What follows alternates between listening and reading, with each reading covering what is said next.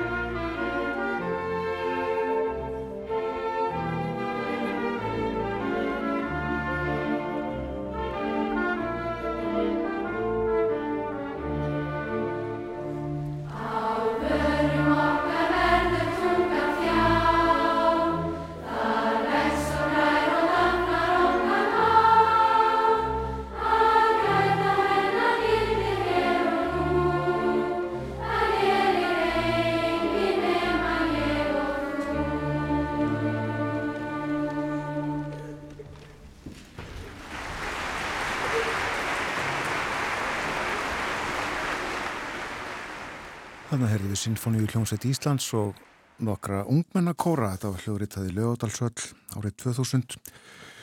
Á íslenskum á alltaf finna svar.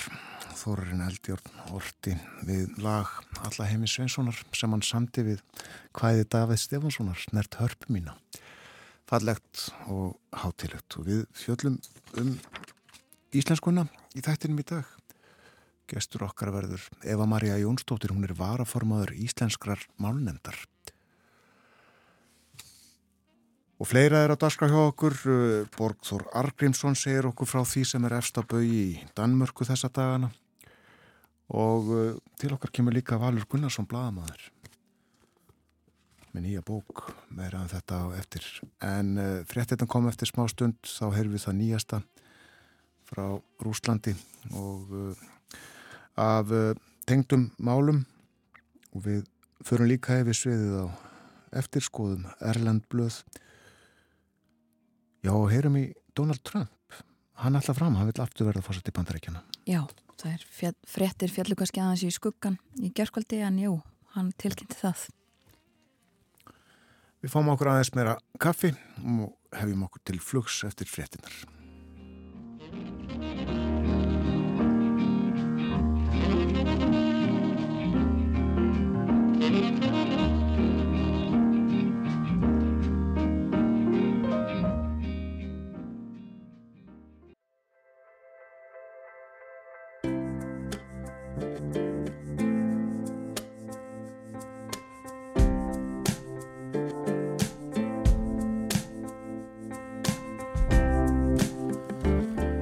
Morgonvaktin Elsar og býðu góðan dag. Í dag er miðugudagurinn 16. november. Dagur íslenskrar tungu er í dag. Markmið hans er að minna á mikilvægi málsins og gleyðjast og fagna sögu þess samtíð og framtíð. Við fjöllum um íslenska tungu vitt og breytt. Gestur okkar verður Eva Maria Jónsdóttir, varaformaður íslenskrar málnemdar. Hvað ef hitt og þetta hefði ekki gest? Hvað ef Róm hefði ekki fallið á sínum tíma? Hvað ef ekki hefði orðið hér hrun? Hvað ef bílarnir hefðu ekki verið stopnaðir? Hvað ef fræði eru áhugaverð og skemmtileg? Valur Gunnarsson Bladamadur hefur skrifað Hvað ef bók? Það sem hann veltir fyrir sér. Hvernig mál hefðu ægslast öðruvísi ef, já ef. Valur kemur til okkar klukkan hálf nýju. Borgþór Artgrímsson verður líka með okkur í dag. Hann segir okkur frá því sem efstur á bau í Danmörku nú um stundir meðal annars hvernig Mette Fredriksson gengur að mynda nýja ríkistjórn. Um sjónamenn morgumvaktarinnar á Rás 1 eru Þórun Elisabeth Bóadóttir og Björn Þór Sigbjörnsson.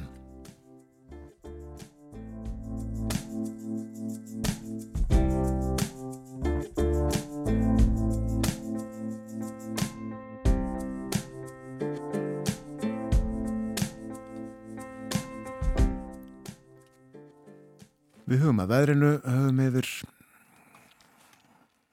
hugleðinga veðurfræðings. Það uh, verður austan og söðustan kaldi eða strekkingur og allvíða skúrir í dag en rigning á söðustulandi og östfjörðum í fyrstu og það hversi svo þegar líður á daginn, bæti smám saman í vind, segir í hugleðingunum 13 til 20 metrar á sekundu sunnan til á landinu eftir hátegi en mun hægari vindur og þurftum landi norðamert og hitti í dag fjögur til tíu stíg. Og á morgun söðaustan tíu til átján heldur kvassara söðvestarlands í morguns árið. Skúrir víða um land, engum söðaustan til en úrkomu lítið á norðurlandi. Og það verður áfram mild í veðri. Og eftir hátegi og morgun fer svo að draga úr vindi. Og uh, Það ætti að sjást eitthvað til sólar, engum á landinu vestanverðu í dag, framan af degi allavegana.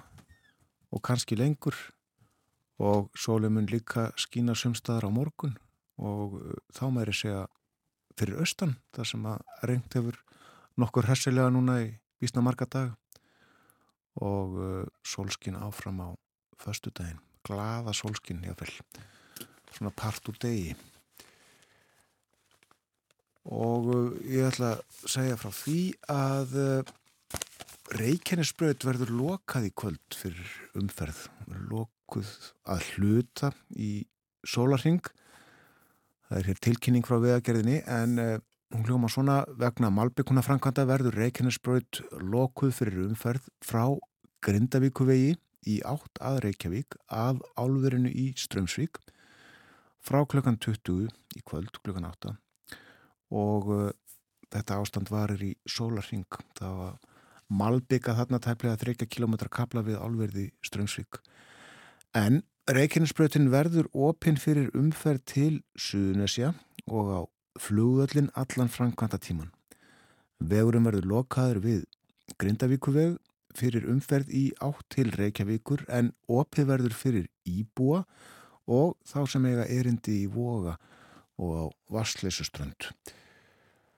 En uh, hjáleið verður fyrir fólk sem er á leið til höfuborgarinnar um Grindavíkuveg, uh, Suðustrandaveg og Krísuvíkuveg.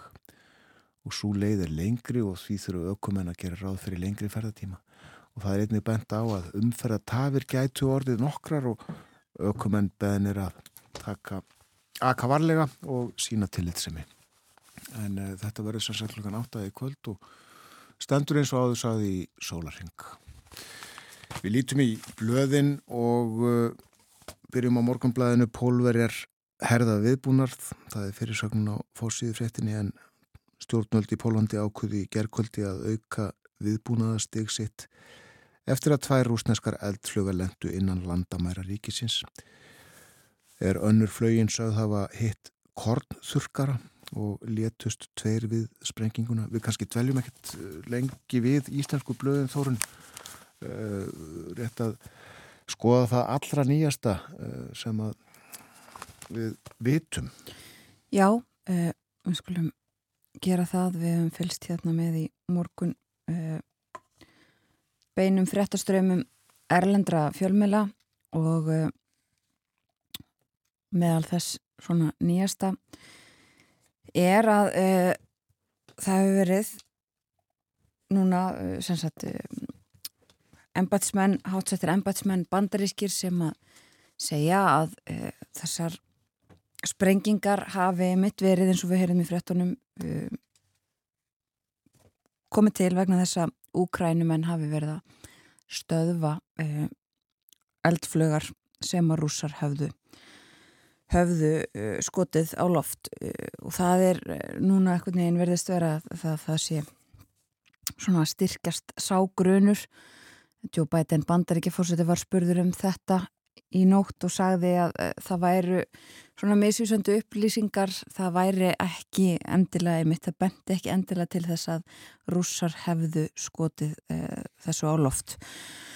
Og uh, svo er það það að yfirmaður CIA bandarískulegin þjónustunar er í Úkrænu, er í um, Kív kænugarði þar sem hann er að funda með Selenski Úkrænu fórsita og uh, svo hafa leðtúar G20 ríkjana komið sér saman, flestir, ekki allir, um uh, yfirleysingu þar sem að uh, árásir og það er talað um stríð, sérstaklega stríð rúsa í Úkrænu og það er talað um það að það sé mitt til þess að stöðva og, uh, komi veg fyrir þessar uh, fullirðingar rúsa um að sé um, sérstök hernaðar aðgerð í gangi.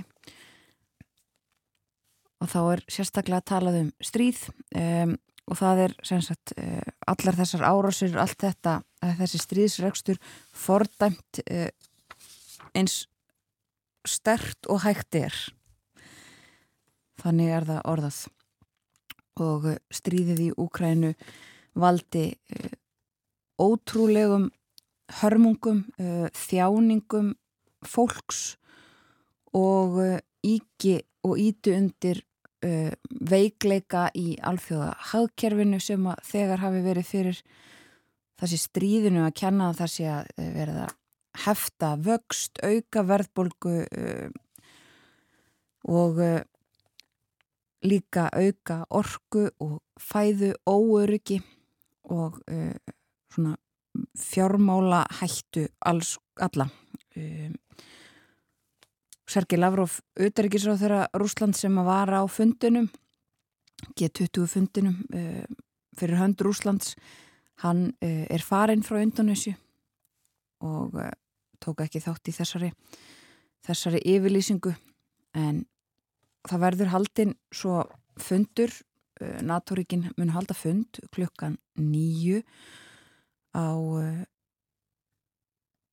í Brussel vantanlega allavega verður haldinn fundur klukkan nýju og uh, sömu leiðis uh, öryggisráð Póllands mun funda. Það er uh, allir sem hafa tjáð sig um þessi mála það verði allt saman skoðað í róliheitum það verður ekkit gert fyrir en að búðir að komast að því nákvæmlega hvað átti sér stað.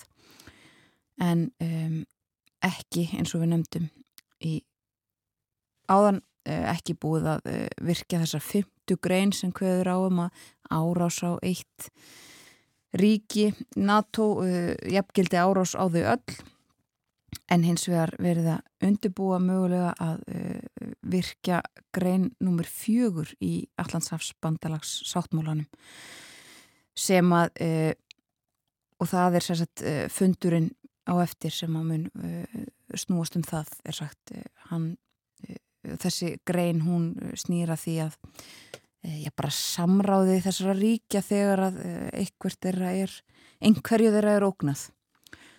Og við fylgjumstu þetta áfram með þessu öllu saman og eh, segjum hlustundum frá ef eitthvað nýtt gerist. Og þessi málu þetta allstaðar til umfjöllunar í erlendum fjölmjölum það er eiginlega ótt að segja það.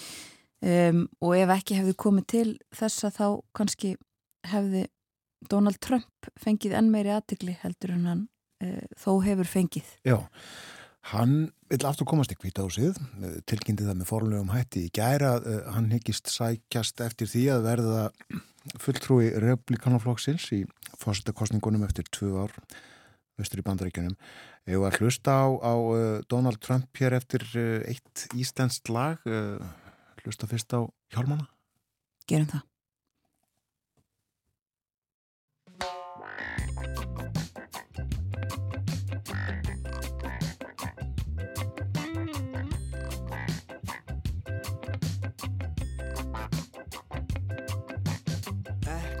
Að sjá Þótt þú setjist upp á Soltið á ská. En það hefst að lók síni sig. Kanski setna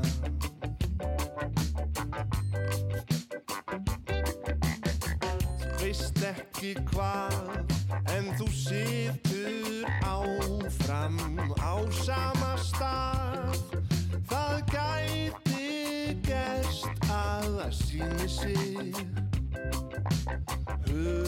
Hugsanlega nú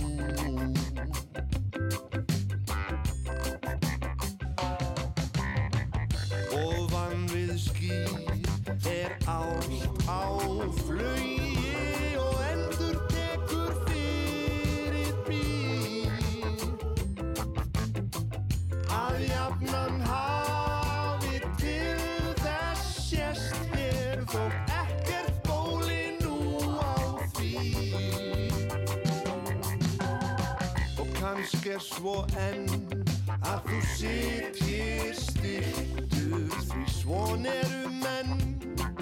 Einn viss,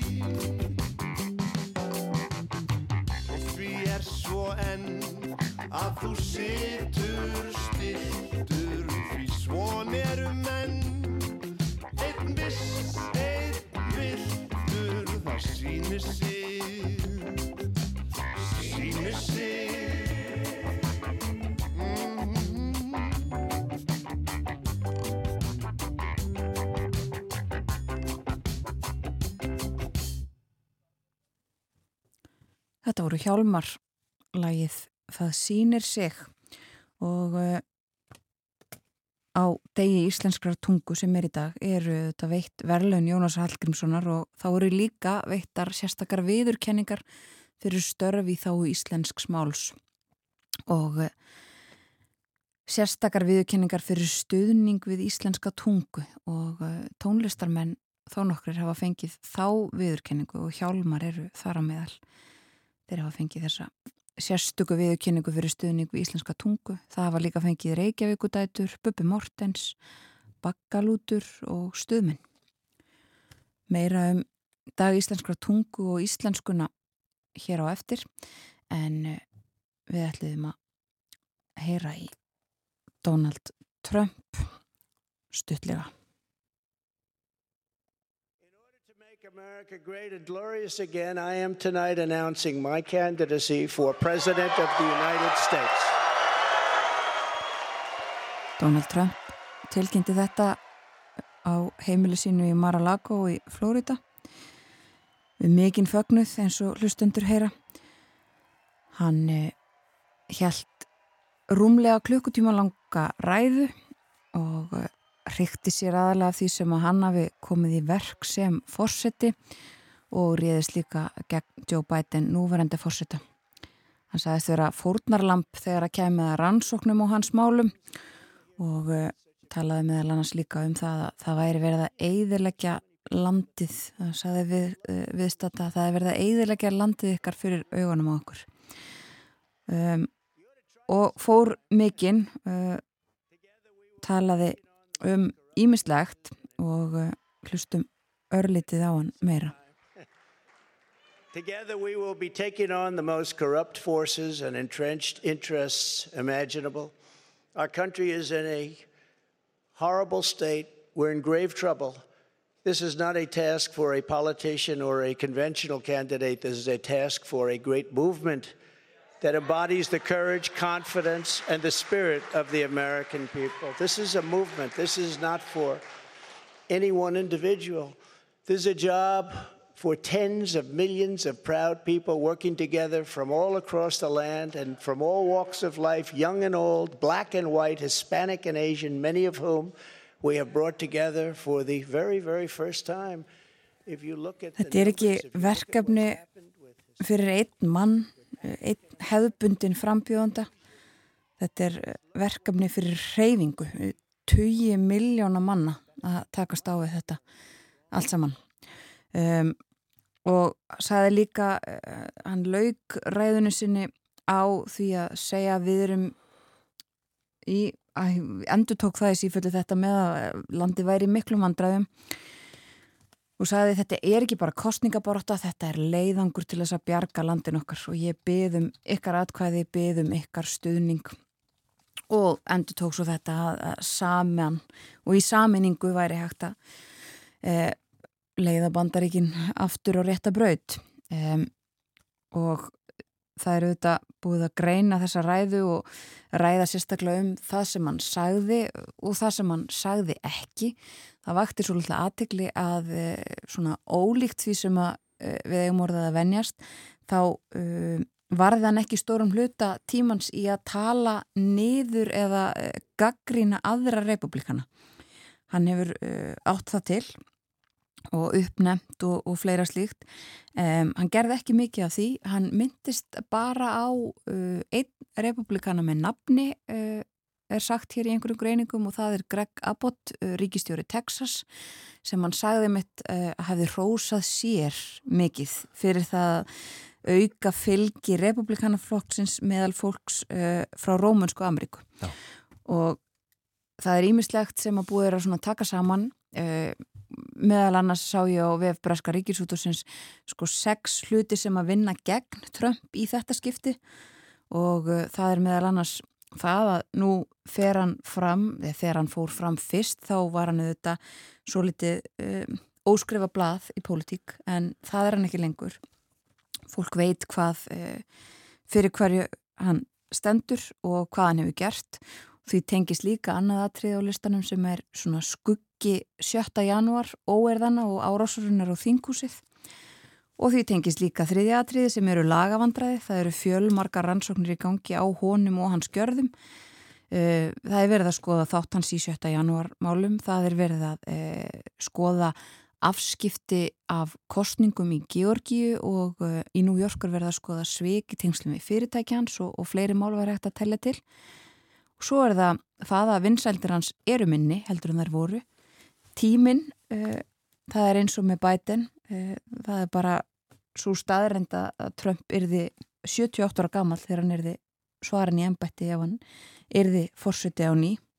Og svo er það uh, atriðið sem að snýrað öðrum öðrum frambjóðundum og þeir eru taldir erfiðari andstæðingar hans og þar eru þetta efstur á bladi ríkistjórin í Flórida þaðan sem að Trump uh, tilkynntu um frambóðsitt í gær.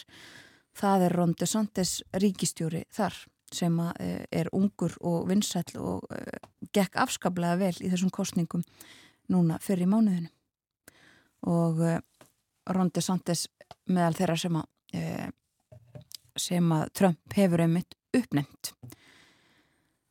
En uh, hann fór já mikinn, sagði ímislegt og er um, að ég held fyrsti frambjöðundin sem svona formlega lýsir yfir uh, því að hann ætli fram til fórseta. Það eru auðvitað tvö ár þangar til að um, þetta þessar kostningar fara fram en eins og við höfum rætt og rættum í síðustu viku hérna að þá um, þá uh, er það svo að það er eiginlega alltaf kostningar í bandaríkanum og nú þegar æmitt uh, kostningunum þessu með annar kostningum er lokið og það sé ekki enþá uh, alveg búið að telja eða, eða komast að niðurstuðum allt að þá eru menn komni með hugan við næstu kostningar 2024. Svona gengur þetta fyrir sig. Joe Biden bandarækifórsiti vildi ekki tjá sig, uh, hann sagðist bara ekki hafa neitt að segja um þetta þegar hann spurður um það á uh, Bali. Hann hefur sagt að hann ætli sér að bjóða sér fram aftur en svona verði endanlega ákvörðin verði tekin á næsta ári þarum. Já. Við komum heim 16. november í dag, dagur íslenskrar tungu og við ætlum að fjalla um tungumálið okkar hér á eftir. Gestur okkar verður Eva-Maria Jónsdóttir sem er varaformaður íslenskrar málnemndar. Við ætlum að tala svolítið um nemndina, tala um íslenska málstefnu og ímislegt fleira.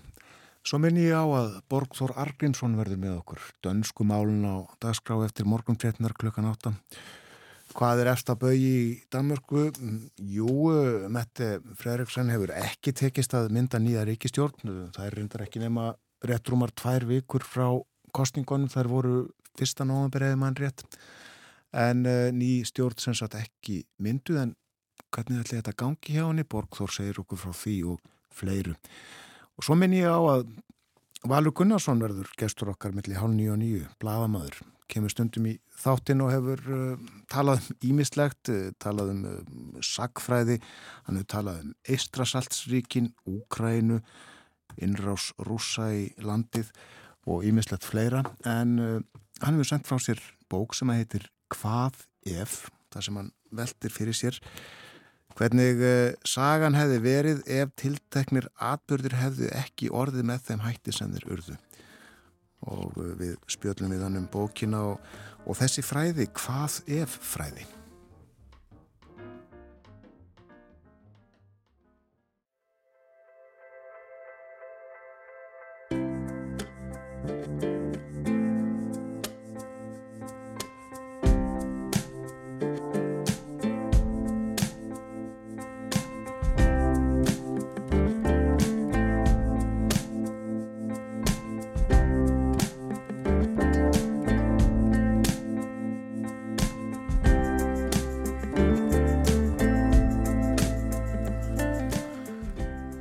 Aftur þegar það hlusta á morgunvaktina á ráseitt klukkan núna réttliðilega hálf átta. Það er miðugudagur í dag 16. november. Dagur íslenskrar tungu. Og hann hefur verið haldin hátilegu frá 1996. Markmiðið er að minna á mikilvægi tungumálsins og gleðjast og fagna sögu þess, samtíð og framtíð. 16. november er fæðingadagur Jónasar Hallgrímssonar og eru verðlun í hans nafni veitt auk sérstakra viðurkenninga fyrir störfi þáu íslensks máls.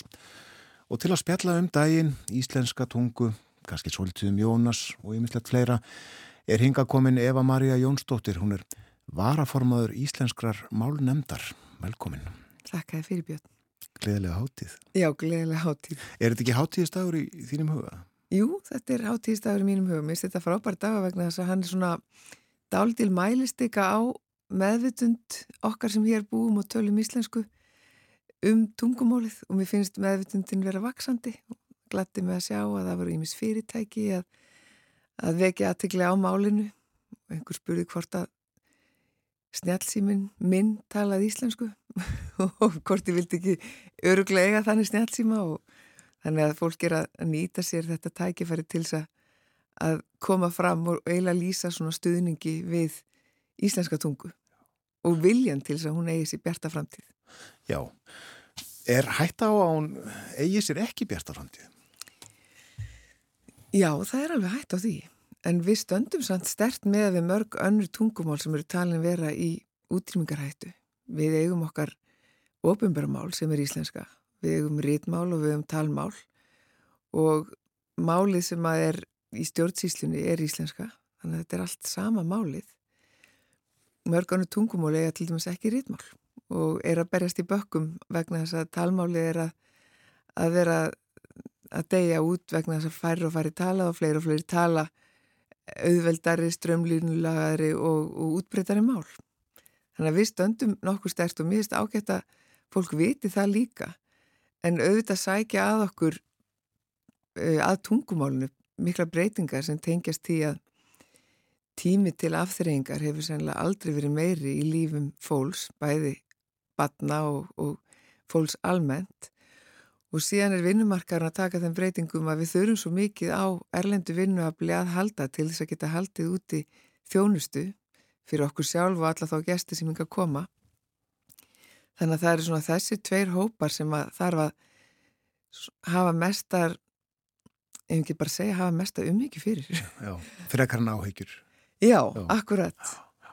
Vegna þess að börnin þau gera hluti sem að þeim finnst skemmtilegir og svo þeir verða unglingar sem þeim finnst töf og þeim finnst ekkit endilega skemmtilegt að læra íslensku þar sem að við verðum að kenna tæknilega atriða málfræði og, en þeim finnst gaman að skapa og þeim finnst gaman að, að búa til og þeim finnst gaman að leika sér með íslensku og þess vegna spurning hvort að skólakerfið þurfi ekki að kúfenda og byrja að kenna rýtlist af miklu meira móði heldur en uh, þessa, þetta sem ég nefndi fyrr þó að málfræðis er vissulega skemmtileg og nöðsynleg þá er sennilega betra nálgast enn að gegnum leik og, og sköpun. Málfræðin er erfið þetta eru margir orðflokkar og það er alls konar vesinn í þessu. Já, málfræði er erfið ég kom staði að ég fór í gegnum minn grunnskóla á þess að endilega átta mig á hvað tilherið málfræði. Það var ekki fyrir að ég fór að læra latínu á setni árum sem að ég, ég, ég hef nú kannski gett að gefa betur göma málfræðinu því það myndi hjálpa mig núna. En við sem tölum íslensku, við erum ekkert að spá endilega í málfræðina vegna sem við lærum málið með móðumáls aðferð. En svo er það hinn hópurinn sem er ekki börn og ungmenni sem að kemur hinga til Íslands og lærir ekki íslensku sem móðumáli sitt, heldur sem annað mál eða jáfnveil þriðja mál og það er fólk sem að getur vel lært íslensku og ef að við teljum þeim strax trúum að hún sé mjög erfið og það sé valla vinnandi vegur, þá er ekki líklegt að það vindi sér í verkefnið en maður finnur fyrir ótrúleiri umhyggju frá þessum hópi fyrir íslensku tungu. Svo hins vegar er fólkir að koma til skamstíma aðalega bara til að vinna eins og berserkir og, og fara síðan hérna fljótlega aftur vonandi auðuri en þeir komu. Þá er kannski erfiðar að, að sannfara fólkum að gefa sér tíma í að læra íslensku. En það er nú samt það sem við þurfum að gera. Og þess vegna þarf eiginlega þjóðar áttak núna. Og þá er ég ekki bara að tala um að, að ríkið bjóði öllum íslensku kjenslu heldur þá er ég að tala um að vinnustæðarnir, verkalýsfélagin, ríkið við sitt fjármagn, mentastofnanir og allir sem geta kent íslensku saminist um að taka þátt í þessu átaki. Og þetta er svona stóra máli vegna þess að breytingar á vinnumarkaði kalla á þetta, við verðum að gera þetta ef að við ætlum að sjá bjarta framtíð íslenskunar fyrir okkur. Það hefur myndið verið fjallasvöldið um þetta að undanfærtu síðustu vikur og kannski mánuði að uh, við stöndum ekki nóg nægilega vel að íslensku kjenslunni. Við heldum kannski að þetta verið leiði? Ég held að það sé lengi búið að benda okkur á það og ymitt fólk sem flýst hinga til lands er lengi búið að benda okkur á það. Það þurfi að geta lært íslensku í vinnutímanum, ellegar á launum. Vegna þess að eftir fulla vinnudag þá eru nú fáir í standi til þess að læra nýtt tungumál, sérstaklega það er ekki alveg aðgengilegt. En flestir hafa samt áhuga á að gera þetta. Og ég held að þetta væri bæði tíma og peningum velvarið, hvort tíminn kemur auðvitað frá starfsfólkinu sjálfu og fyrirtækjunum sem að ráða það í vinnu. Og peningarnir þurfa að koma við að vegna þess að þetta er mjög stór pakki. Og fólk þarf að leysa þetta. En við höfum nú leist ímis mál í sammenningu og nýlegt dæmi er í mitt máltækni áallun sem að var í gangi í fjögur ár og er nú nýlega lokið og þar komu mjög margir aðeinar að málum og, og tókust mjög áriðandi skref í máltækninni og ég held að svipa hluti verið hægt að gera með þetta mál. Það vakti nú smá umtal þegar Eiríkur Rökkvaldsson fór fram á það að Íslensu kjensla væri hluti af því sem að er þið barist um í, í kjærasamningum eða sett á dagskrá en það er algjörlega uh, augljóst hvers vegna hann stakk upp á þessu vegna þess að þarna þarf að koma að sterk uh, breyðfylging sem að vill fá þetta fram og það eru mjög áberandi hjá fyrirtækjum og þau eru með svona gildi og þau varpa þeim getnam fram og þau eru aðgengilega allstaðar.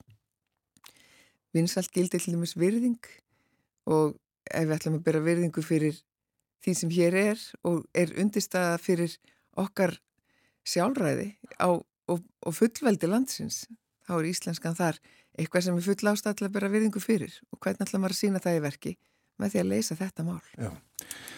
Uh, íslenska og útrýmingarhætta þú notaði þessi orð mm. mjög nálat hvora öðru í setningum á hann það er ekkit alveg sjálfsagt að við tölum hér í íslensku og að hún uh, lifi enda löst tungumál fjölmennari þjóða að hafa dáið út Já, það er alveg rétt og það sem við erum svo stolt af uh, og finnst svo ánægilegt og áhugavert og mörgum fleirum en okkur finnst það líka er að íslenskan er talin verið svo sama nú og þegar að landi verið að byggjast.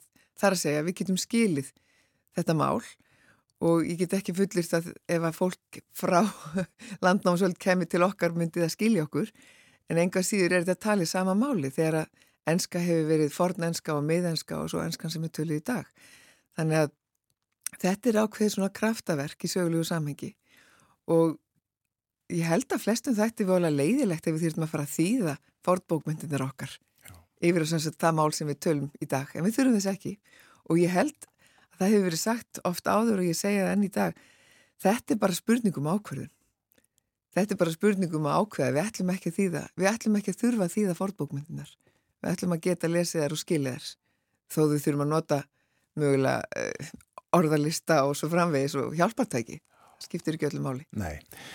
Svo nú gaman að sjá þegar uh, þau, þau rítöll eru lesin uh, hvað margt lifir í dag í orðatiltækjum og öðru sem við kannski skiljum ekki nema og áttum okkur ekki á nema, nema að sjá eitthvað samhengi í, í þeim. Ég sá um eitt mann sem að var að, á fjersbók með einhverja síðu þar sem var að kalla eftir orðatiltækjum sem að lifa og, og einhver orð í þeim lifa bara í því ákveðna orðatiltæki. Þetta er í hug að virða vettu ég við set, segjum aldrei vettugi eða vettugur að, að öðru leiti en í þessu eina orðartiltæki þannig að það er mjög gama hvernig tungumóli lifir í svona frösum og náttúrulega ljóðum og, og bókmöntum. Já. Ertu vel lesin í, í fornbókmöntunum? Ég bara er svona að mjaka mér áfram í gegnum þær. Ég held að það kemur með aldrinum og maður hefur áhuga á því og hérna hvernig á maður að fá ungt fólk til þess að hafa áhuga á því. Eitt sagði, við skulum banna öllum undir átjónar að lesa fórtbankmyndir. það myndi virkulega virka mjög vel. En já, nei, ég hef ekki lesið allt sem betur fyrir og ég hérna, hef mjög mikið áhuga á að komast í gegnum þetta. Allar Íslendingasögurnar. Já. Hér setur Eva-Maria Jónsdóttir, hún er varaformaður íslenskrar málnemdar. Við erum að spjalla saman í tilhefniða því að í dag er dagur íslenskrar tungu. Eva-Maria, hvað gerir íslensk málnemd? Þetta er nefnd sem er ráðgefandi fyrir stjórnvöld.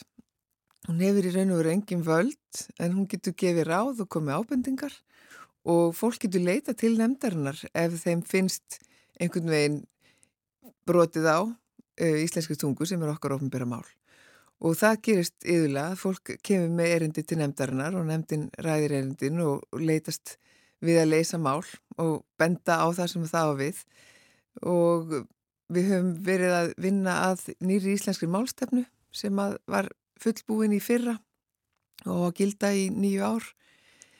Og síðan höfum við verið að setja á dagskrá málþingum aðkallandi eh, umræðefni eins og til dæmis eh, mál begja kynja eða, eða kynhlutlust mál sem er ný svona bylgja í tungumálin okkar og einni er stendur fyrir dýrónum að við ræðum sérstaklega málþingi sambíli við enskuna og þessi nefnd veitir líka viðkenningar árlega fyrir það sem vel er gert og hefur í mitt undafæri verið að veita svolítið viðkenningar til þeirra sem er að kenna íslensku. Það eru, það eru útlendingar að kenna íslensku sem standa sér mjög vel og, og hafa gríðarlegan metnað og áhuga á að kenna góða íslensku og kenna öllum íslensku Já. og út á landi þar sem er kannski lítið um mannauð eða minnum manni þar er líka fólk að standa sér mjög vel í að halda íslenskunni að fólki og, og, og fá það til að kveiki áhuga því að læra tungumáli vel þó þessi kannski ekki komið til að staldra lengi við þannig að það er svona frekar svona jákvæðar jákvæðir ströymar sem að koma frá nefndinni. Það er gott að heyra. Já, kyn hlutlust mál, þetta verst fyrir mörgum. Já, en það er umræðið bara ný hafinn á ofnbjörnum vettvangi og, og hún held, mun halda áfram lengi enn.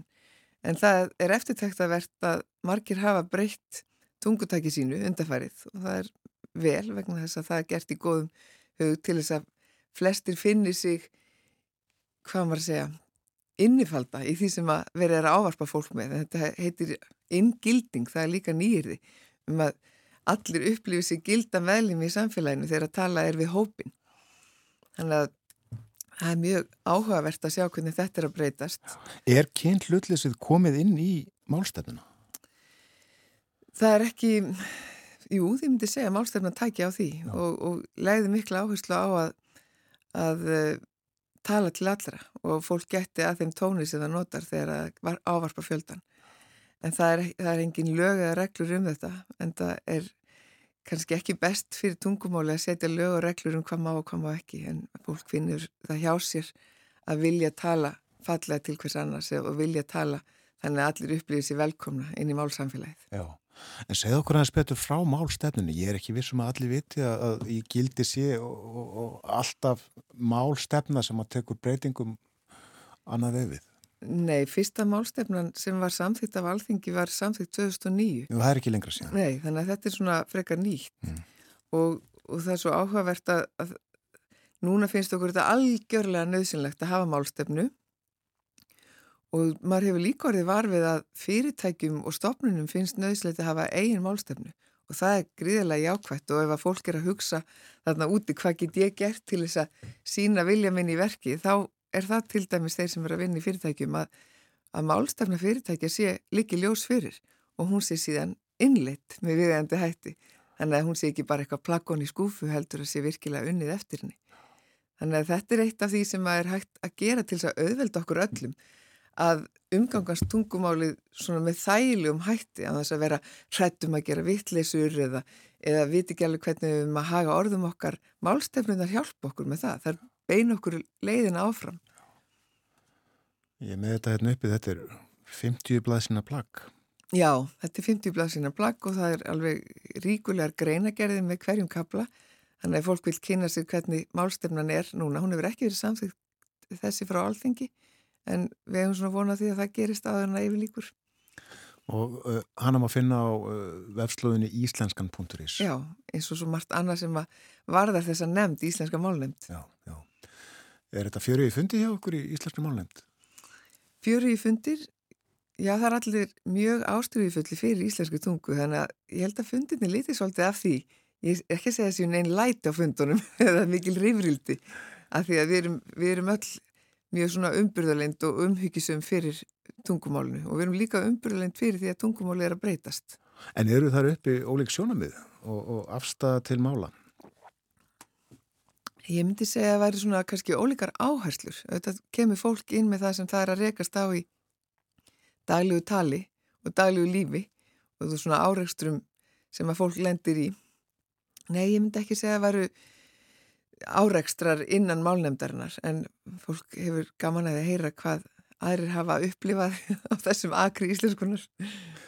Og þeir eru bísna mörg og komið úr ymsum áttum. Já, stóra málnefndin er, er, er mjög stór og kemur allstaðar aðu samfélaginu og það eru bara fundir tvísvara árið þar en við hittumst í stjórn íslenska málnefndar mánægilega. Tökum fyrir erindi. Ertu aðdándi Jónasar Hallgrímssonar? Hver er ekki aðdándi hans? Já, ég er mikill aðdándi hans og, og hérna dáist að þeim manni. Synd hvað hann fór snemma. Hann hefði geta búið til fjöldamörgunur orð fyrir okkur En ég á reyndar eftir að lesa nýja bókum Jónas sem var að koma út þannig að það er greinlega, fyrst að það er ennþá verið að skrifa bækur um hann þá lífur hann góðu lífi. Og vel við hæfið að halda dag íslenskar tungu á fæðingadegi hans. Alltaf að gera eitthvað sérstætt í tilum dagsins annað en að byrja hann hér á morgunvaktinni?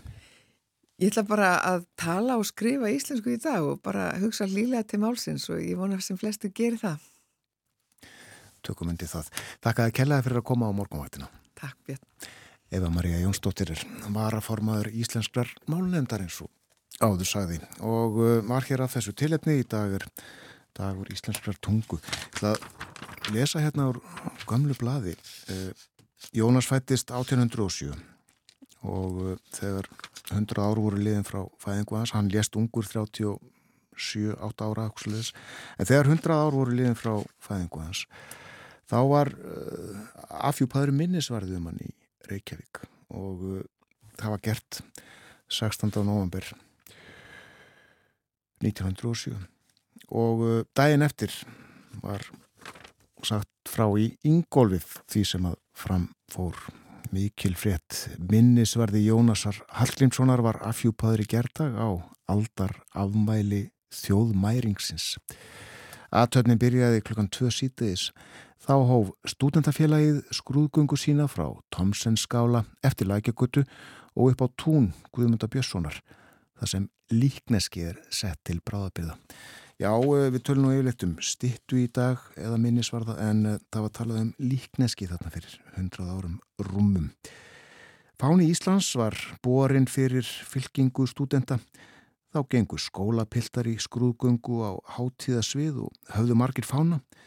Lóks kom fylking ungminnafélagsins og blöktu viðin víða yfir flokkiðra.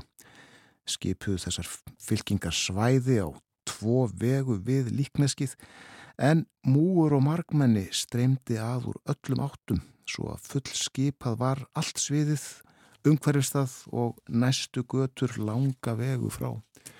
Fjöldi fólk sem að tók þátt í þessu. Og áfransæði í frétti Ingóls Þegar mann höfðu skipað sér umhverfis líkneskið var sungi kvæði er Jón Ólafsson hafi orrt en lægið setti Árni Torstinsson og stýrði hann sungnum. Því næst stóð fram Bjarni Jónsson frá vogi og hóf hann afhjúpunar ræðuna, bauð hann formann í stúdunarfélagsins að afhjúpa líkneskið og gerði hann það og mælti nokkur orðum leið.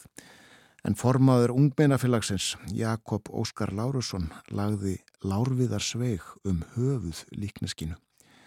Hjælt Bjarni svo fram tölu sinni var hún hinn snjallasta. Þegar Bjarni lög máli sínu var sungið kvæði eftir Þorstin Erlingsson hafði Sigfús Einarsson sett lægið og stýrði söngnum og loks mælti formaður stúdentafélagsins Hári Rödu Livi minning Jónasar Hallgrímssonar og var tekið undir það með ferföldu fagnaðarópi. Því næst raust mannþröngin og gengu fylkingarnar sama veg á brott, söng stúdendafélagið nokkur þjóðlög við Tomsenskála áður en menn skildust. Um mið aftan helt stúdendafélagið blís för mikla og þótti takast mæta vel. Síðan kvöldið helt félagið samkomu fjölmenna í salnum mikla og hótel Reykjavík og aðra samkomu helt ungmennafélagið í Bárubúð og yðnaðamenn eina þriðju í yðnaðamannahúsinu voru margar ræður fluttar í öllum þessum samkvæmum kvæðisungin og að öllu hinn besti mannfagnadur. Akureyringar höfðu einni samkomið um kvöldið í minningu um Jónas. Frett frá 1907 um uh, hátíðahöld í Reykjavík og Víðramland, já, á Akureyri þegar öld var liðin frá fæðingu Jónasar Hallgrímssonar.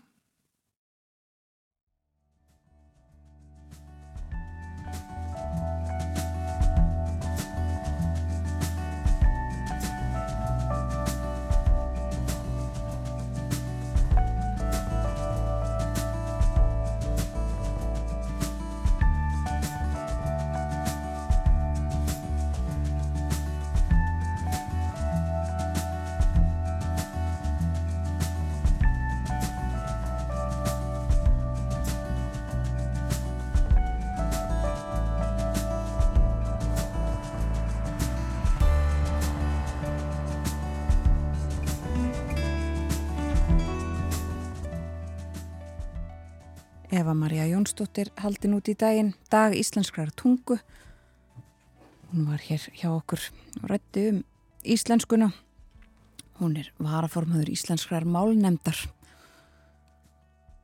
Það líður að morgun fréttum, þær koma frá fréttastofunni á slæginu átta, eins og alltaf. Og eh, að þeim loknum þá verður sestur hér hjá okkur á morgunvaktinni í hljóðstöðu 6 Borgþór Artgrímsson ætlum að tala um það sem að efstur á baui í Danmörku. Og þar eru stjórnmál til umfjöldunar meðal annars. Kostningarnar eh, fyrir hálfu mánuði og eh, staðan núna. Ræðum við Borgþór eftir svona tíu mínútur rúmlega það. Og svo kemur til okkar Valur Gunnarsson sakfræðingur og bladamæður við ætlum að velta upp ímsu uh, uh, sem ekki varð. Hvað ef? Það er hægt að gleima sér algjörlega í því að hugsa um svoleiðis luti og eins og við höfum nefnt í morgun hvað ef að bítlatin hefði ekki verið stopnaðir hvað ef Putin hefði verið rúslandsfórseti Valur verið með okkur upp úr klokkan halv nýju en nú er komið tími til þess að hleypa frettastofunni að frettir eftir rúmar 5 mínútur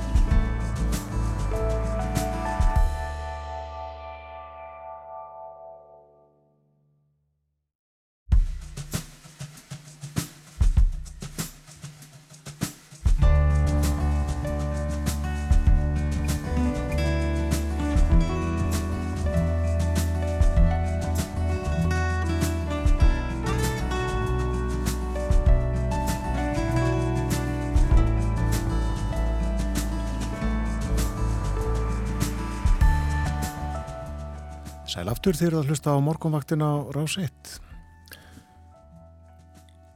Klukkan farin að ganga nýju, 6 mínútur í nýju um það byll.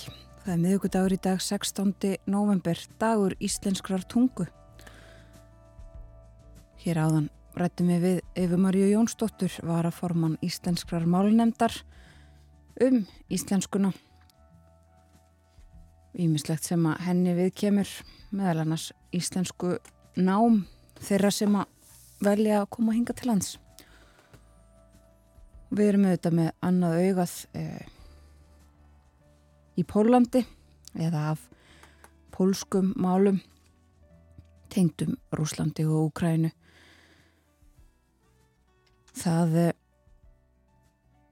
verður fundað um þau mál eftir að sem sagt eh, tveir letust í sprengingum í uh, Pólandi, rétt við landamærin að Úkrænu. Það gerist í gerðkvöldi og uh, það er fundað um það hvernig þetta allt saman stendur nú í dag og við fylgjum stöðut áfram með og, og segjum frá ef að eitthvað frá einhverju er að segja. Og eftir þá ætlum við að tala við Val Gunnarsson Bladamann. Hvað ef heitir bók sem hann var að gefa út og uh, þar eru alls konar vangaveltur um það sem hefði geta orðið. Sackfræðilegar vangaveltur um það sem hefði geta orðið, já, valum við okkur á eftir. En nú ætlum við að fjalla um dönsk málefni. Borgtúr Argrímsson er komin til okkar heil og sætla og góðan dag. Já, góðan dag. Já, við ætlum að tala um dönsk málefni á íslensku í tilefnið því að dagur íslenskrar tungu er í dag. Já, já. En uh, það eru tvær vikur liðna frá þingkostningunum í Danmörku.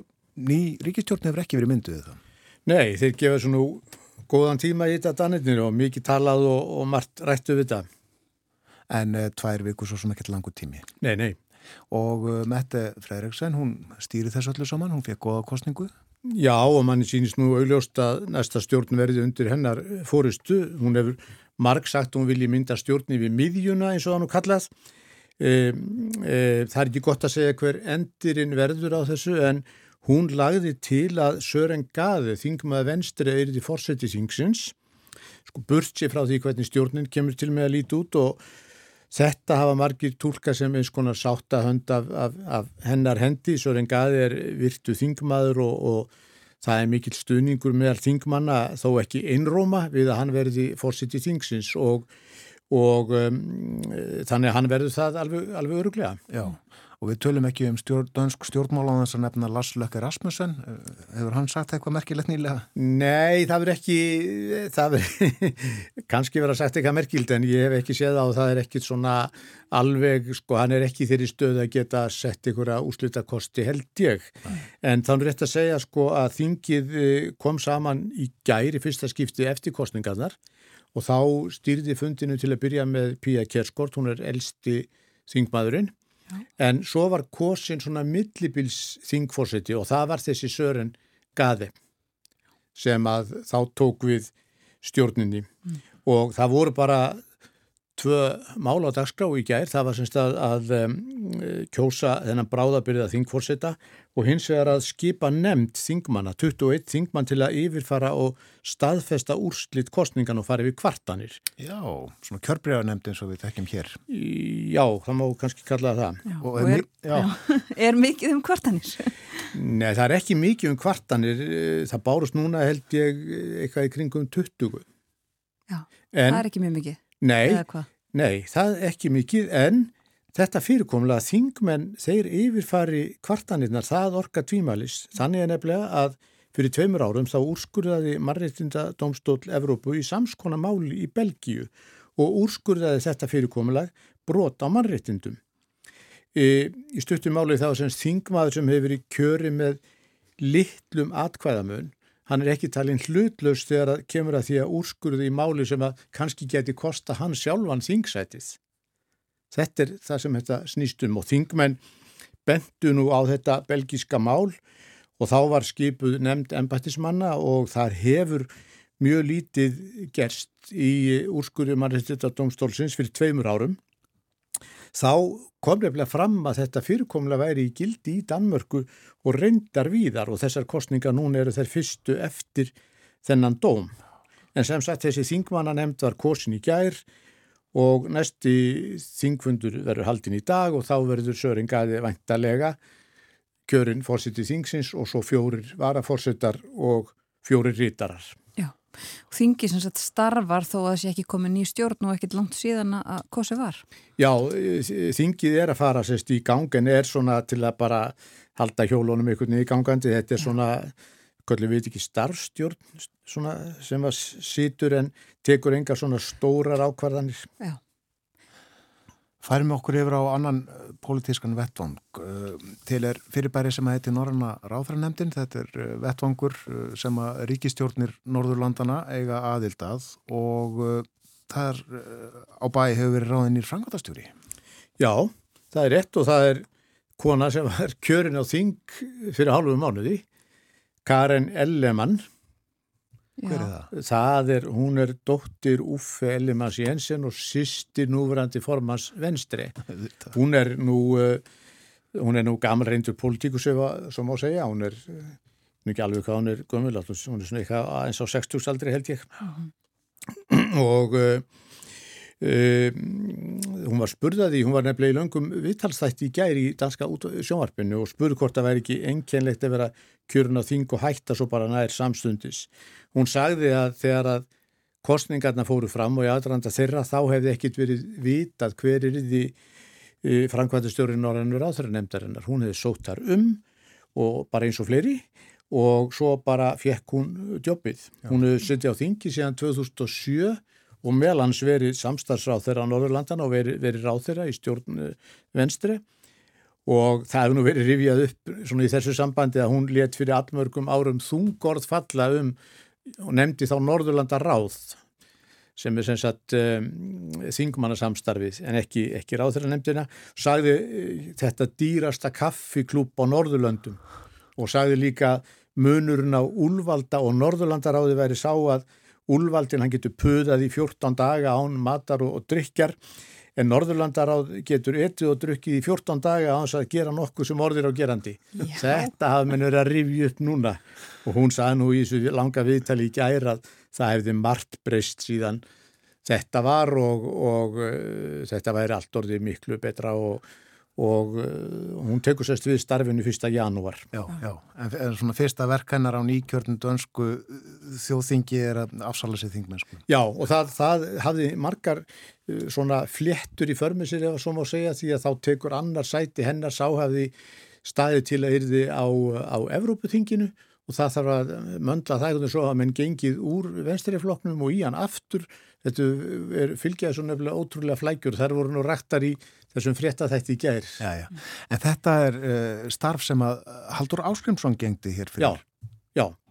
Þetta er starf sem er, ég held ég með að segja mest til sex ára. Fjögur ára getur verið upp í sex ár. Já. já. Akkurat, þetta var af uh, uh, norrannum málum en það er að hefjast um næstu helgi heimsmyndstaramóti í Katar og Danir eru þar meðal þáttakanda, eru þeir spendir? Ekkit sérstaklega sínist mér. Það er náttúrulega svona daldumita fjallað en ekkit voðalega mikið. Það breytist náttúrulega örglega þegar að, þegar að móti byrjar. Það finnst mörgum þetta óttalega eitthvað vandræðilegt og, og, og, og þetta skul nú vera haldið þarna sem að staðrindin er og Friðri Krónprins sem er nú mikil áhuga maður um íþróttir og þar á meðal fótbolta hann ætlar ekki að fara, hann sendi frá sér tilkynningu þar sem að segir að hann ætli að fylgjast með og, og hvetja Dani úr sófanum eins og hann komst nú að orði. Dani vita eiginlega valla hvernig þeir eiga að hegða sér hvert þessu og ráð þeirra íþróttamála í Danmörku fer ekki til að fylgjast með og um, segir að uh, hún skákar í því skjólinu að hún sé sko milli bilsráð þeirra þannig að það sé afsökunum fyrir að fara ekki Já. þannig að um, Þetta er svona hálfgert, hálfvandræðilegt eitthvað. Já. Fara þá engir uh, danskir ráðamenn? Jú, það fer, það fer eitt sem að er á einhverjum fundi núna, ég kann ekki alveg að segja frá því, en hann, er, hann ætlar að fara að vera held í viðstættur opnununa, en það er held í eini danski ráðherran. Já. En svo langar mér nú að bætaði við að, að því að margi fylgjast nú svo vel með fjölskyldumarketa Þórhildar að fyrir nokkurinn dögum þá tilkynnti Jóakim Prins að hann myndi hætta í danska sendiráðinu í París næsta sumar, hann hefur verið það starfsmæður og þá verður ráningatímin úti og hann sem sagt ætlar ekki að beita neinum konunglugum áhrifum til eitthvað að reyna lengja það þó að honum hefur líka hann mjög vel og held ég gekið mjög vel hjá honum Já. en ráningatímin er úti næsta sumar og þá hættir hann. Var hann þarna bara og er ennþá óbreyttu starfsmæður í sendriðaðinu? Já, já, hann er, já, ég veit nú ekkit hvað er kallast óbreyttur en hann er ekki svona yfir maður Nei. en hann, er, hann hefur verið þarna og konunars hefur líka verið eitthvað að vinna þarna svona eitthvað hlutastarf held ég. Hvað ætlar hann að sísla? Hann eh, var nú bara leitadórsfullur og svipin þegar hann var spurður að því og sagði að það kæmi bara í ljós. Já. En má kannski nefna það að því við töluðum með fókbóltana Danir eiga fyrsta leik á þriðudaginn eh, Danmörk túnis klukkan eitt að íslenskum tíma. Já, einmitt. Einmitt það. En eh, já, þetta var um Jóakim Prins. Eh, Það var nú líka, er það ekki varðandi hans fjölskyldumál eh, um daginn, eða drottningin ákvaða börnin hans eru ekki, Jú, jú, ekki prinsar og prinsessur. já, já, hann var mjög sári við því Já, og, og allt það sko en Já. Það sjálfsagt jafna sér nú svona einhvern veginn. Já. Gerir ráð fyrir. einmitt. Eigum við að tala eins um fisk eða fiskmerkingar. Já, það skulum við gera. Það er, það er kólategund sem að Danir kalla skrúper. Ég held að við eigum ekkit orðið yfir þetta. Þetta er svona náskilt rauðsprettu. Þetta er mjög vinsæl matfiskur í, í Danmörku.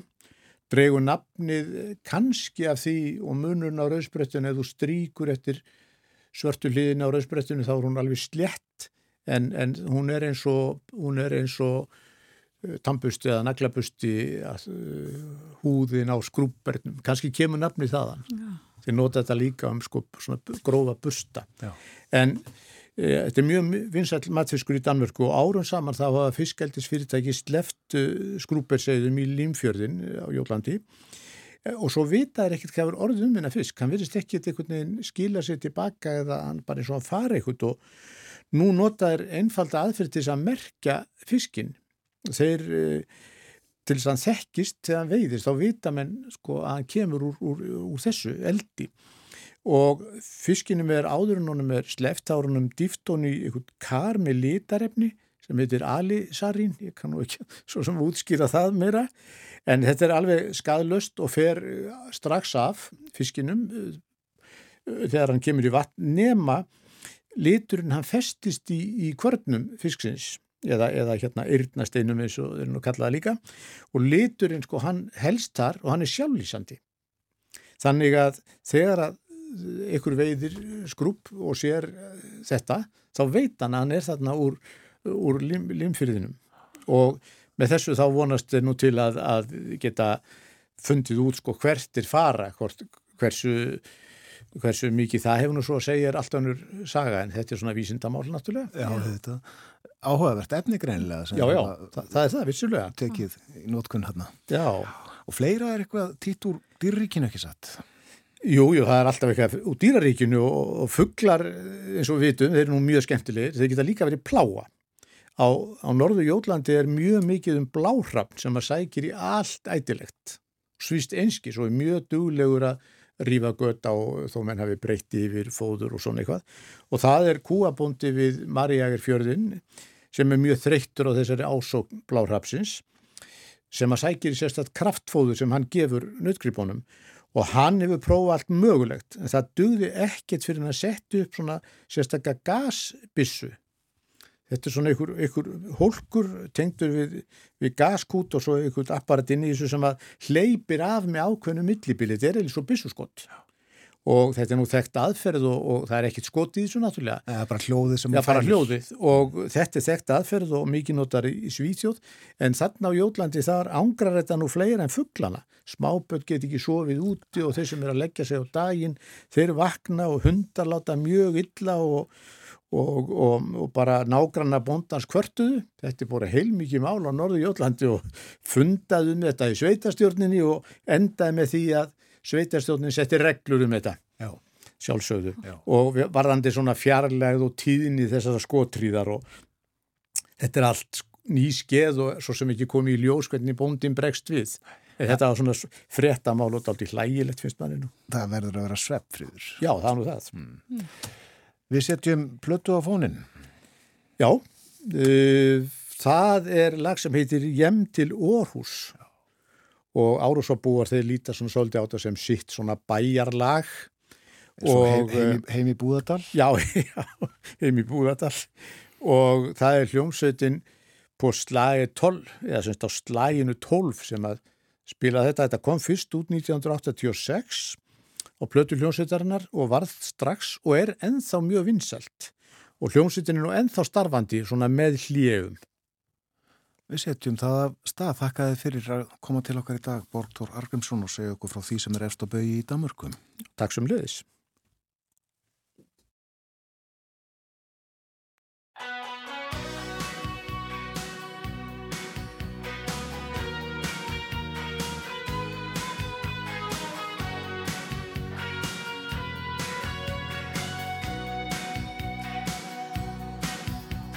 Marchenko.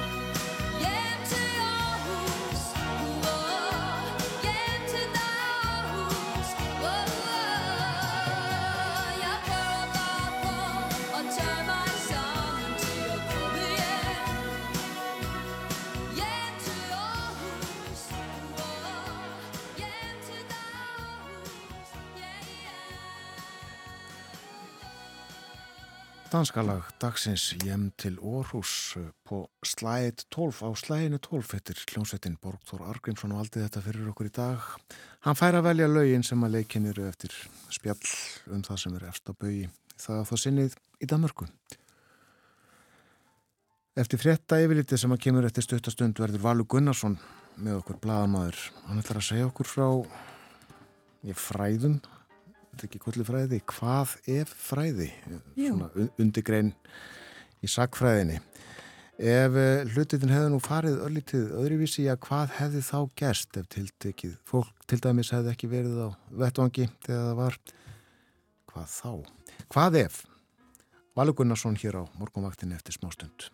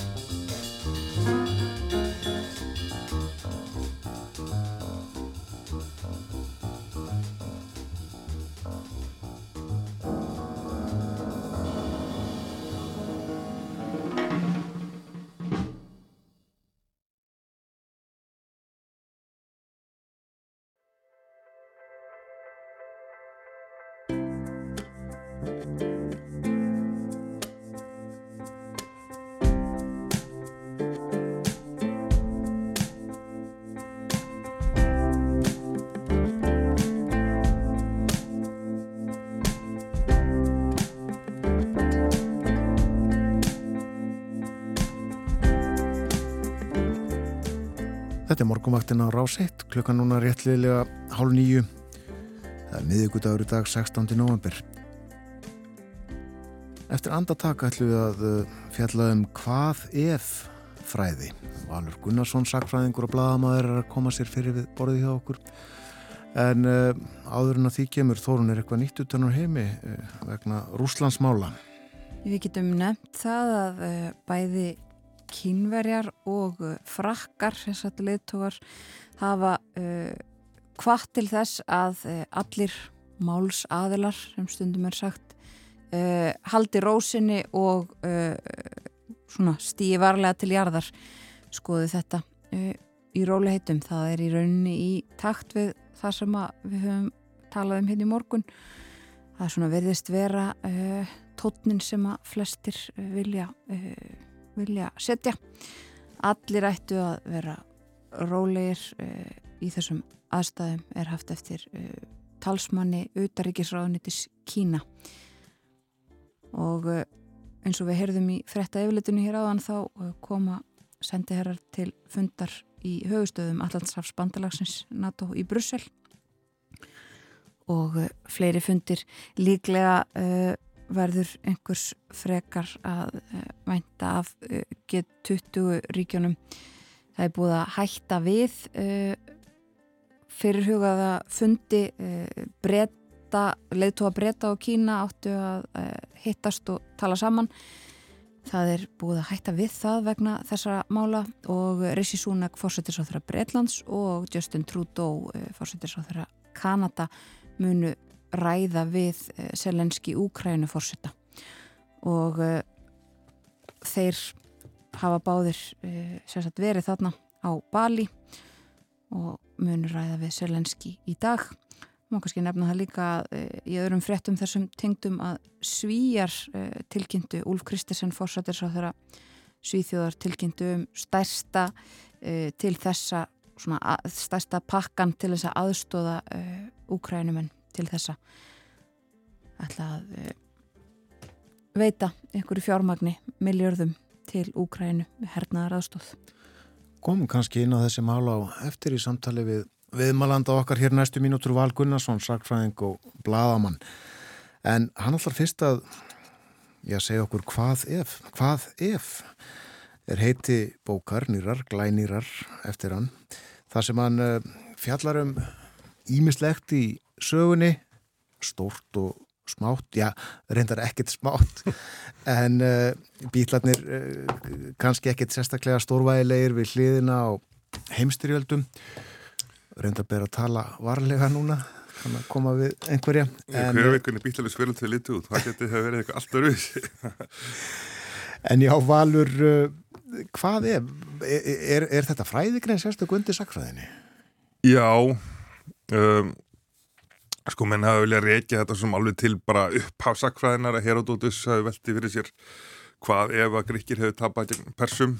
Og því að í allri söguleg umfjöldin þá hlýtur eiginlega liggja undir hvað ef spurning en allt sem gerist að það hlýtur einhvern veginn ekki hafa geta gerst annars, annars nefnum við trúum bara guðla fórsjónu allt sem fyrirfram ákveði skrifaði skíin sko. En hérna en kannski sem uh, og síðan var þetta bókmentagrein uh, og, og, og kannski ekki síst hérna, undirgrein vísindaskálskapar uh, sem byrjar í svona tímaritum á millistriðsárunum og, og með henni það High Castle og fleiri kannski dæmum en sem fræðigrein þá, þá verður þetta fyrst til eftir lokaldastriðsins um, kannski sem ansvar við því að, að þarna voru menn svo upptöknir um stóru ströymum að Sovjetríkinn fjallu vegna þess að þau hluta að falla vegna þess að það voru sögulegu lögmál. og reynda sá það enginn fyrir en eftir á var það óhjákomilegt núna er sagan búinn og nú er allir líraði sinnar og kapitalistar og þetta var einhvern veginn allt svona fyrirfram gefið og, og, og einstaklingur skiptingu máli samt á þessum tímum einstaklingsíkjunar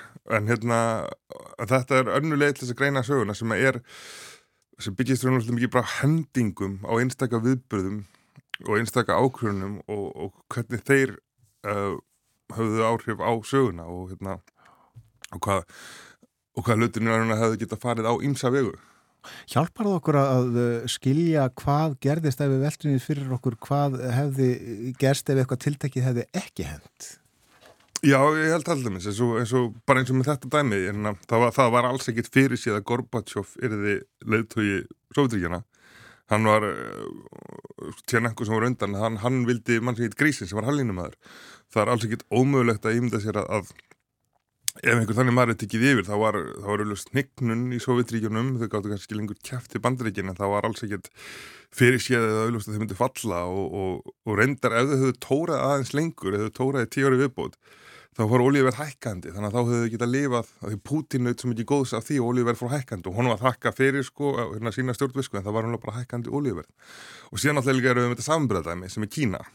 Þar um tíma 89 og ég mann eftir þessu bara í fréttum þá virtist vera sem að kommunismi reyða líka til falsi Kína sem jú hefði kannski getað gerst en gerði ekki og, og þannig erum við meðalveg svona mótil af því hvernig Sovjetríkin hefðu getað mögulega þróast hérna.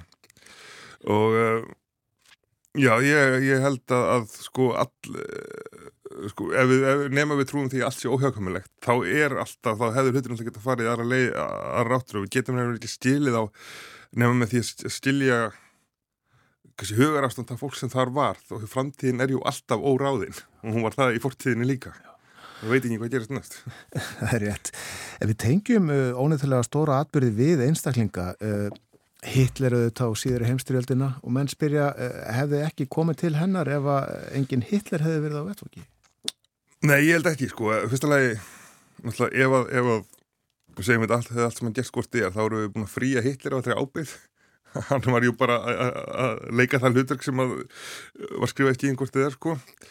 Og, og líka, ég meina, það er engin leið til að koma í, í vekk fyrir svona viðbyrð, þá náttúrulega verður bara að láta öðru okkur ganga, en það hefði verið hægt, en endur hefði þetta gerað fyrra, því að þegar Hitler var komin til valda, þá var hann okkur staðræðan í að vera í stríð.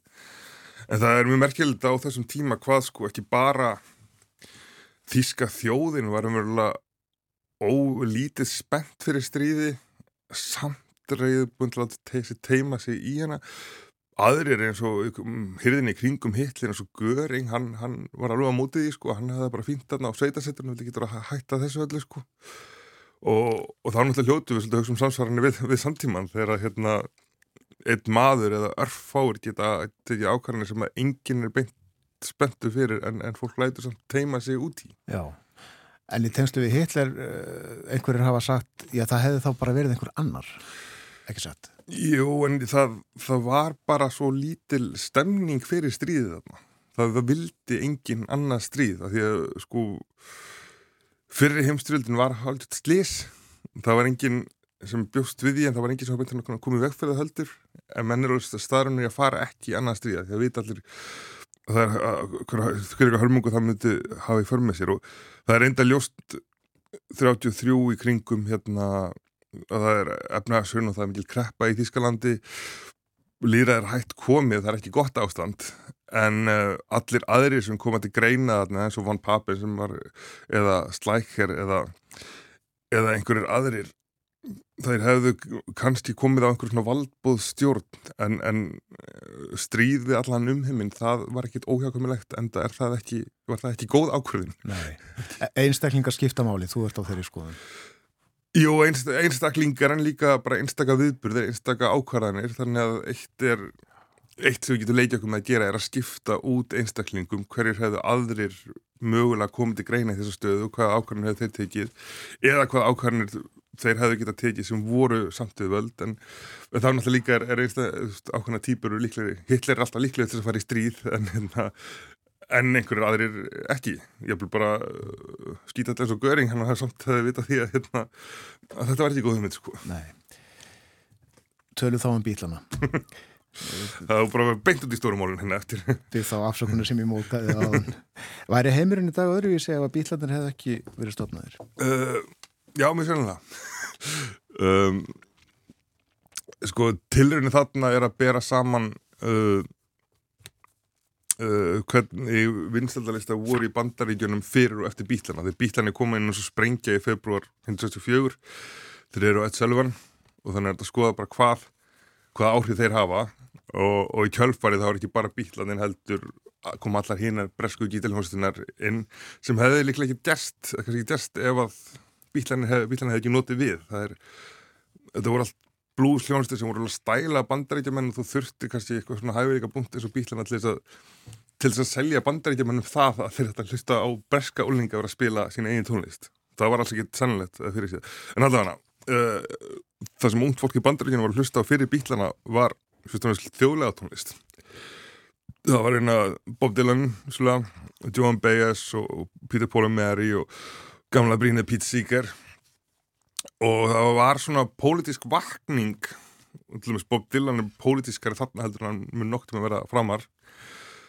Og svona pólitísk vakning meðal amerískra ungmenna og hérna og, og síðan þegar þessi bílasprengja kemur þá fer hún svolítið út um allt. Þannig að ef við ymdum okkar að, að 68 kynslaður hefði haldið fókus og hérna og haldið áfram að vera meðvita pólitist frekar heldur en að fara út í síru og Sakin Pepper og, og svona alls svona umbreytingar pælingar þá hérna ég þá hefði til dæmis kostninganar í, í 68 við líklega farið öðruvísi.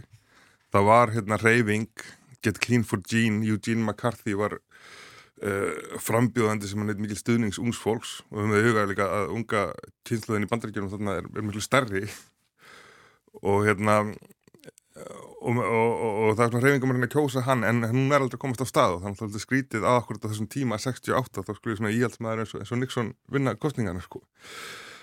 Ef að þetta hefði gert Nixon hefði ekki unnið heldur Eugene McCarthy þá hérna þá hefði ekki orðið Watergate nextli Vietnamstríðið hefði endað fyrr það hefði ekki komið þessu svona um, óþólgakvart pólitík sem varði í kjölfar Watergate þegar mann fór að trúa því að allt væri spilt og, og, svona gott fólk frá forðaðspólitík fyrir að vilja taka þátt í henni.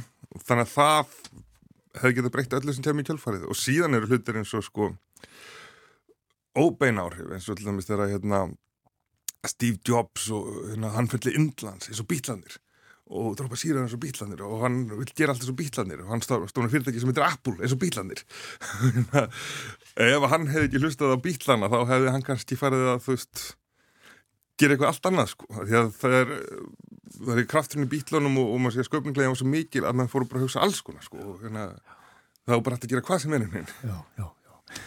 Ef að koma þess heim, hvað ef að hér hefði ekki orðið hrun? Þú vettir því líka fyrir þér í bókinni. Jú, um, sko þar er ég ekki alveg kannski mikið því að teikna upp sviðsmyndir af því að þú veist, að þetta er til trúlega auðveldi sjálfu sér að ímynda sér ef ekki hefði orðið hrun það um, en að Íslands stjórnmál hefði náttúrulega þróast öðruvísi uh, ef að, ef að já, fyrst og næst sjálfstaflokkan hefði hagað sér skynsanlegar þá hefði hann ekki orðið að fylgja sunn, það hefði vantilega ekki orðið Ríkistóð Sigmunda Davís en það sem er áhugaverðar þarna er að skoða bara orsakasamingið, raunverulega hversu langt aftur þurfum við að fara alltaf í veg fyrir hrun. Uh, það hefði mátt gera ímildan að 2008 til dæmis að láta ekki hérna allan gældirisvaraforan í hendur hérna bankamanna en, en það hefði samt orðið hrun. Það var, var óhjökomilegt að falla límanbræðra en ef eitthvað hefur gert fyrr, það er til dæmis hérna mínikrísan 2006 þá hefði verið hægt að skera niður bankakerfið eða einhvern veginn undirbúa sig undir undir það sem gæti gerst. En, en í staðin þá eru opniðar æsefreikningar og kaupþing ett sem að hámarka skadan en það hefði samt orðið sun ef eitthvað er gert þannig að það hefði bara ekki orðið að djúft en ef við förum alveg aftur í hérna engavæðingu bankana, það er fyrst og fremst engavæðing bankana sem gerir þetta ef ekki óhjákvæmulegt og allan að mögulegt. Og ef að engavæðingu bankana hefði ekki, ekki farið fram eða verið gerð með öðrum hætti eins og til stóð það var sett að fóta engavæðingar nefnd og það voru hugmyndir um að það var sem dreifast eignarhaldana allir getur tekið þátt, fá einn erlenda fjárfesta. En síðan þessu allir ítti hliðar og í staðin eru, eru hérna stóru bankar, búnaðabankin og, og, og landsbanki gefnir einhverjum vildamennum sem að þvert á upplunan áallanir forman nefndirinnar segir af sér. Og þar með er grunnurinn lagður fyrir öll sem síðan gerir sko. Og, hérna, og það er ekki mikilvægt spurningum að skoðum hvað var raun haft á þessum tíma og þarna eru augljóslega aðrar hugmyndir í, í stöðinni sem er síðan ekki, ekki farið eftir. Einmitt. Þetta er brá skemmtileg lesning. Eh, hvað ef, eh, Valur Gunnarsson til hamingi með þessa bók, eh, maður verður stundum sko pínlítið pyrraður yfir því sem þú dreður fram þarna og, og hugsa, já, af hverju gerðist þetta ekki svona frekar? Sko? Af hverju fór þetta eins og það fór? Um, þú myndist á það áðan, Valur, sko, hvað ef Sovjetríkin hefði ekki fallið? Það er líka kapli í bókinni og, og samanburðin við nútíman og, og Pútín. Væri þá ekkert stríð, engin innrás í Úkrænu? Nei, því ég held að þe- þessi innrás í Úkræna aftur er svo ofbáðslega óskinsamleg að það er ekkit óhjákumulegt að- ráðist hefði verið í hana. Ég, ég gæra mitt með þess að hérna, uh, þurfti að leysa þess að gátu hvað ef Putin hefur drefin á júdóæfingu í 1972 og hérna um, það sko vill svo til að við erum með ágætið samanbyrðadæmi sem heitir Úkræna og það sem að ástandið er mjög svipað í Rúslandi og Úkrænu fyrsta áratíðin hátt í eftirfall Sovjetíkina. Það er rík, ríkisvaldið mjög veikt, það eru ólíkarkar sem sölsaðendur sig öll völd, það er, það er spilling og hérna en það sem að, að text í Úkrænu en text ekki í Rúslandi, það er að skapa samt virt líðræði. Úkrænu menn skipta reglulega út fórsetum eftir kostningar, stundum eftir byltingar en þeim er skipt út.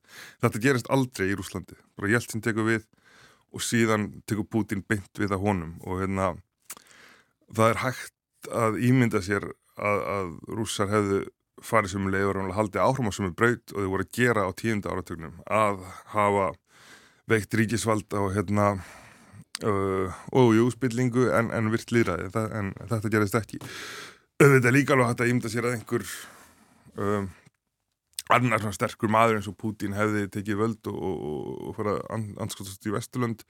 Þá má líka ímynda sér að einhver hefði gert það sem Putin vist vera að gera á fyrsta kjörtímbilisinu sem var uh, viljast ganga í NATO Europasambandið, það er svona kannski svona besta byrtingamyndin þannig að það voru uh, þannig ímsi kostur í stöðinu og alls ekkert fyrir sig hvað myndi gerast og Putin heldur er ekki að gera það sem hann er ráðinn til að gera. Hann var ráðinn til þess að vera handbendi ólíkarka og hann var einmitt ráðinn vegna þess að enginn hafði trú á hann þannig að þess að að vissi enginn eitt um hann hann vilt bara vera svona auð, auðsveipur maður en, en strax bara byrjar hann að eftir að fengi völdin í hendur þá byrjar hann að sölsu undir sig völdin og, og gera ólíkarkum þennan díl. Þið með eiga það sem eru búin að, að sölsa undir ykkur en ég ræð pólitíkinu, ég ræði ríkinu. Mm. Og, og ríkast ólíkorkin hérna Kotorovski, hann er settur í búr hérna, og, og sakar um spillingu. Og hérna þetta hefur áttu þau áhrif í dag að, að ólíkarkarnar eru orðinir algjörlega valdalisir. Og eru strax þarna og þannig að núna þegar Putin er væntanlega að gera eitthvað sem þeir eru mjög óanæði með þá hafa þeir bara ekkert vald til þess að setja naf nei. og það er umvel hvað þeir mistu völdin. Og, og slæmur og þeir voru þá var samt kannski ágætt að hafa eitthvað annað valdapólatna en, en það hefði, já þannig að það, það hvað þeir mistu völdin fljótt það er náttúrulega alls ekkert óhugumlegt. Já, já heimurinn er uppfullur af þessum hvað ef spurningum og uh, strax ef við getum bara velt upp í gær eh, hvað ef þessi árás sem að haldi varum tíma hefði verið árás á Póland hefði reynst svo þá væri við farin í aðrar aðstæður en við vöknum upp við í dag. Takk. Já, en, en það er sko eins og eins, uh, gerðaðslega Putin hefur hagað sér upp á, upp á síkasti þá samt veit hann að stríð við NATO er, er algjörlega óvinnandi þannig að það er ekki Akkurat, kæra Mjög þakkir fyrir að koma til okkar Valur Gunnarsson og til hamingju aftur með bókina Hvað ef? Takk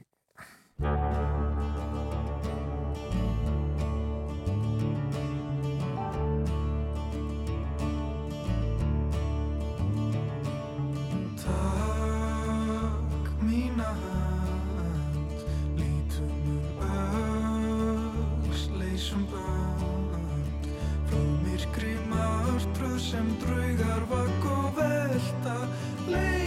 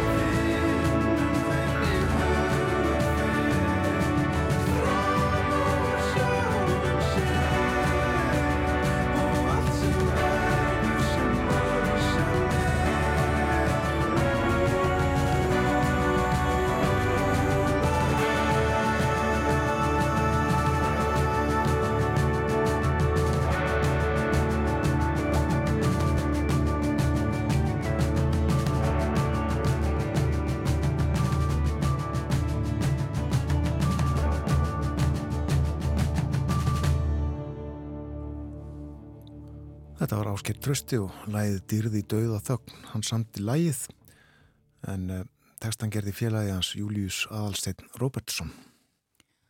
Og þetta voru, var síðasta atriðið á dagskrá morgunvaktarinnar í dag.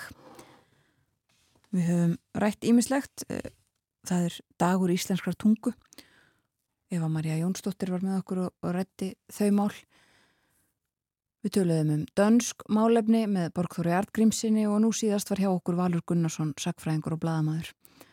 Hvað ef fræðin í sagfræðinni? Uh, hann hefur sögt sér í þau og var ekki út bók sem heitir þetta. Hvað ef? Og við töluðum aðeins við hann líka í lokin um uh, Úkrænu og hafðum annað augað á þeim málum í allan morgun. Uh, stöðumála þar. Og uh, segjum frá því nýjastaðu þetta sem að verður í fyrramáli minni á að bója Ágúrsson verður með okkur 50 dagar og morgun heimsklukkin eftir morgunfréttinnar. En lengri verður morgunvaktin ekki í dag við þökkum uh, fyrir þetta ferðalag saman frá því fyrir sjö.